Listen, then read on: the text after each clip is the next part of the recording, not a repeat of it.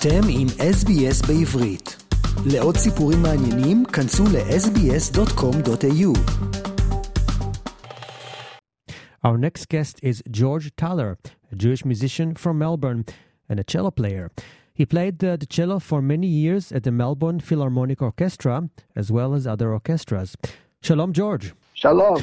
Born in Brazil, tell us how did you get into music at a young age? Also, a little bit about your childhood and how did you end up here in Melbourne? Yes. Uh, so, as uh, you mentioned, uh, I was born in Brazil uh, many years ago, and uh, I I trained there even as a child. I, I learned the cello from age nine, and I, and I was born in Porto Alegre, which is um, is not such a large city, but uh, it was on the way between um, Rio and Buenos Aires. So we had a theater, and we we had uh, we heard you know many great artists of the time, and uh, so I took an interest in music. Uh, also, my mother was a piano teacher, so we always had music in the house. But I never thought to to become professional. But I had the opportunity to join the orchestra in my hometown, and that really set me up to to improve myself. So I went to Israel to study the cello at a, at a higher level. You see, Brazilian music is great, but it's mostly the popular music that is uh, is so good. Um, the classical music uh, is not as as developed as in other places, especially strings. And Israel is a great center for uh, for the string uh, Yeah. players like violin, cello, and uh, they also had a tremendous input from Russian musicians. So that also gave impetus to uh, to the to the music scene. So when I went to Israel, uh, I I joined the uh, Tel Aviv Academy to study. My level, like he said, the teacher said, look, then my level wasn't, you know, um, adequate for the academy. But he heard some potential, so he was prepared to help me, uh, you know, for one year and see how much progress I would make. And uh, obviously, I made enough progress, so he took me as a student. And uh, after four years, I, I graduated from the academy. In the last year of study, I met my Australian wife in uh, in Tel Aviv, and uh, that's how we ended up in Melbourne because I auditioned for an orchestra in, in uh, Australia, and I got the position, and we came. And after we we came to Australia, it was in early 1980s. We really liked, uh, you know. So, back to Brazil, the music over there is truly fantastic. Can you tell us more about that? Yes, I am sure. You see, the Brazilian music, the rhythm is very, very strong. You know, that's why they have the samba. You know, the uh, the the Brazilian uh, national uh, type of uh, music, and uh, is the rhythm. It can, comes from Africa a lot uh, because Brazil had a big influx of. Uh, at the time, there were uh, black slaves, like in, uh, it happened in other parts of the world and uh, they developed this uh, style of music called samba and it's really it's a fantastic rhythm it's very contagious everyone starts dancing and you know because it's it's so it's so good but that's popular music you know also the lyrics are very good but they, are all in Portuguese, uh, so it's hard for other countries to appreciate. Right. Tell me a little about the Jewish community in Brazil from what you remember. Look, the community is, is very large in Sao Paulo, which is a city of 20 million. But it's not, you know, the Jewish community, even in Sao Paulo, is only about 50,000 Jews. And Rio has another 50,000 Jews. And uh, Porto Alegre, when I lived there, had about 10,000 Jews. Now, there's been, at least in my hometown of Porto Alegre, there has been a lot of assimilation. So I, I'm not sure now about the numbers. I believe in Sao Paulo they are much more traditional and they kept uh, the Jewish connection and uh, and also Rio. But Porto Alegre, it's gone a bit the other way. Did you go to a Jewish school? Yes, I went to a Jewish school in in Porto Alegre, and uh, we studied, you know, Jewish history and Jewish uh, about the different uh, aspects of uh, Jewish uh, Nice. religion. Okay, back to the music. The cello was just been named Australia's favorite instrument in the 2023 Classic 100. How do you explain the fact that so many people like the sound of cello? Yeah, the cello has a, a very mellow sound, you know, especially if you play um, rom- romantic uh, music. But but I think the, the cello is very popular. People say because it resembles the it's the closest uh, instrument to resemble the human voice, the the timbre. You know, it's uh, it's it's very similar to the human voice, so it, it touches people that way. It's not as high as the violin, so it's not as I would say not as strident. You know, it's more mellow. It's a very mellow tone, and and it's a beautiful tone. I mean, if you if you can e- extract it from the instrument, you know, that's the that's mostly bow technique, you know, that hmm. Makes the, the beautiful sound. I think it's the sound, yeah, that makes it popular. Playing in an orchestra must be a very demanding job. Could you describe the usual routine of professional musicians? For example, do they practice every day? Uh, how do they maintain the excitement playing the same piece again and again?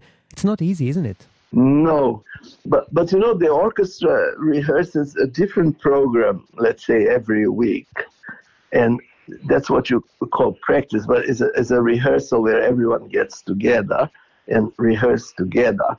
In your own time, sometimes if there is a difficult passage or difficult passages, then you have to practice at home on your own. Hmm. How many hours would you practice every day? Well, if you have, for instance, two two two rehearsals a day, of you know, so let's say two and a half hours each, so it's already you pay, playing five hours a day. So you would take some time, you know, when perhaps when there is no rehearsal, then to to do some practice. But by the time you join an orchestra, you're already an accomplished uh, musician. You don't have to, to practice so many hours like when you are at the academy, you know, when you have to progressively improve. Once you reach your, your level, if you, for instance, I, I, I can do, if I do half an hour, one hour a day, I can maintain my, my technique that that's what you need. Yeah, the experience of playing in an orchestra is uh, it's a great one because you know you are in the middle of all that sound, all that music making, all these people getting together to to make something out of individual players. So it's a great uh, experience. Okay.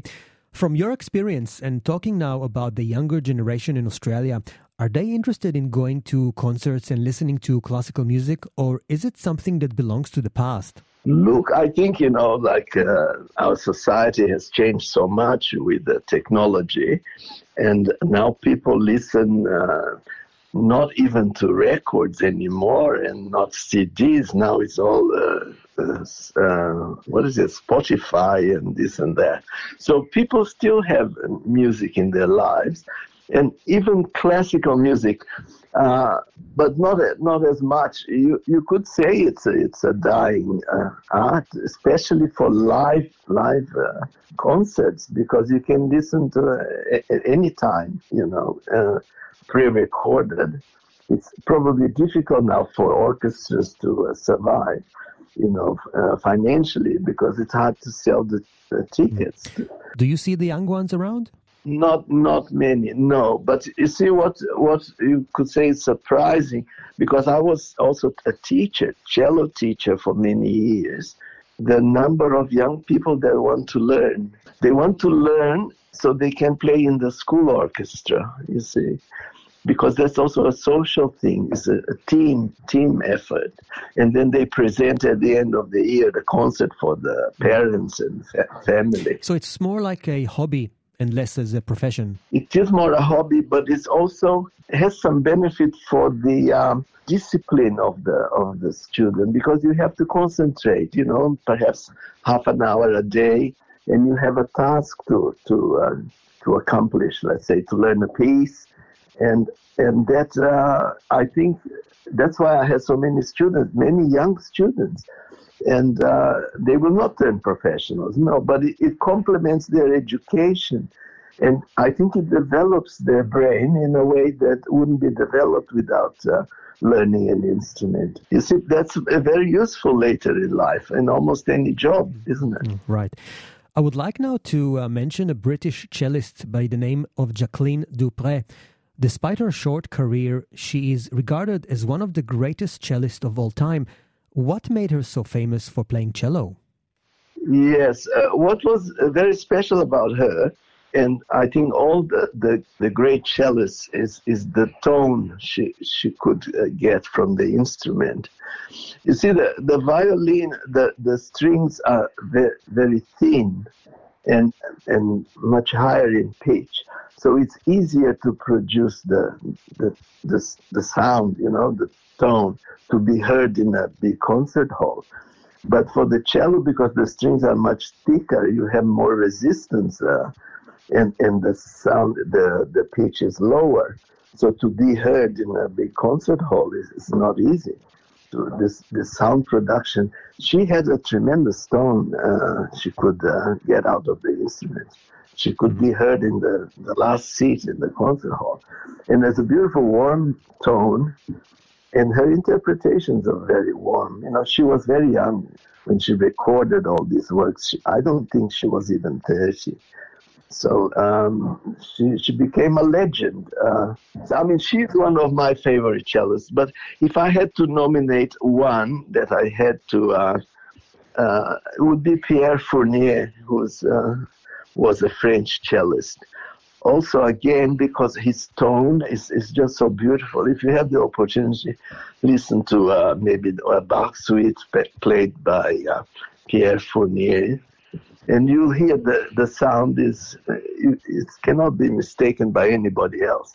It, it, just starts playing, and you know that's Fournier because that was his trademark, his, his tone. Tell me, George, how about your children? Are they interested in uh, learning the cello or any other instrument? My daughters, uh, no, they they learned a, a, bit at school, but you see, uh, Alex uh, music department was not not very, you know, very advanced they they had good voices. They sang. I always recommend singing first because that's uh, the easiest one. It doesn't involve motor skills. You see that that's quite. Uh, it's hard, difficult to acquire. That you have to have as a, a talent by birth. You know this sort of uh, fine motor skills. So I encouraged them to sing, but uh, they did sing at school, but they never, no. And their style of music is not my style. They like, you know, pop, hip hop, and uh, all of this, you know.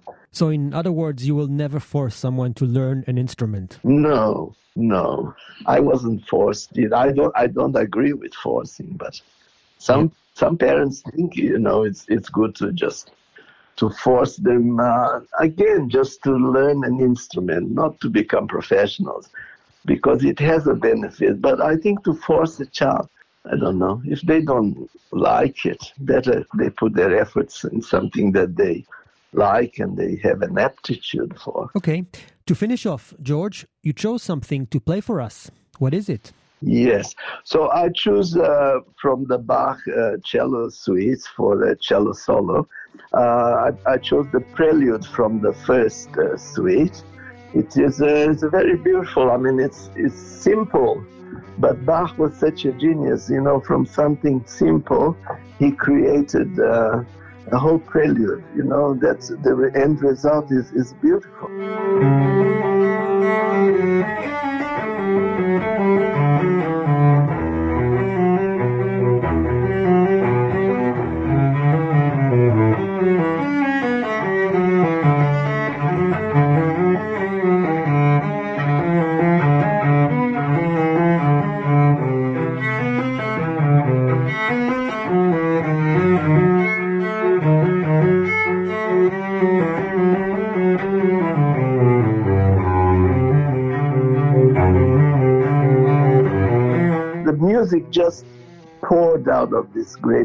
Composers. You know, they uh, because they they didn't just know the rules of composing.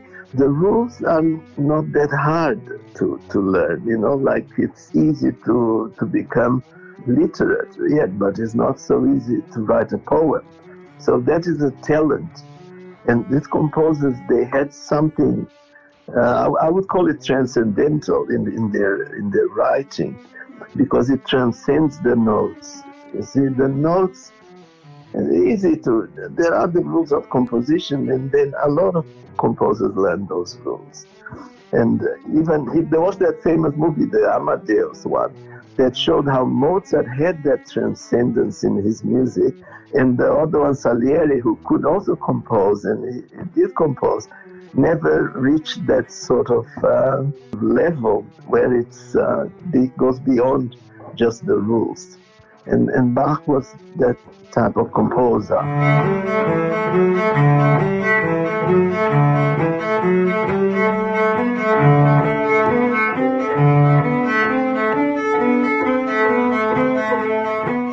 For people who know uh, the repertoire of uh, the classical composers, you can hear straight away when someone has something to say. It's a, it's a message of uh, beauty, basically. You know, it's something that is beautiful. It's not just rules, you know, not just putting one note after another. But the, the motivation for the, the writing is in, an idea of beauty, and they can put that into, into music. George Thaler, we just heard you playing the cello. Beautiful. Thanks for the music, and thank you so much for speaking to us today. You are welcome. I, I enjoyed also talking to you. It's, uh, it's always interesting to, to speak to people who have an interest in, in music and want to, uh, to learn a, a bit about it. עקבו אחרינו והפיצו אותנו דרך דף הפייסבוק שלנו.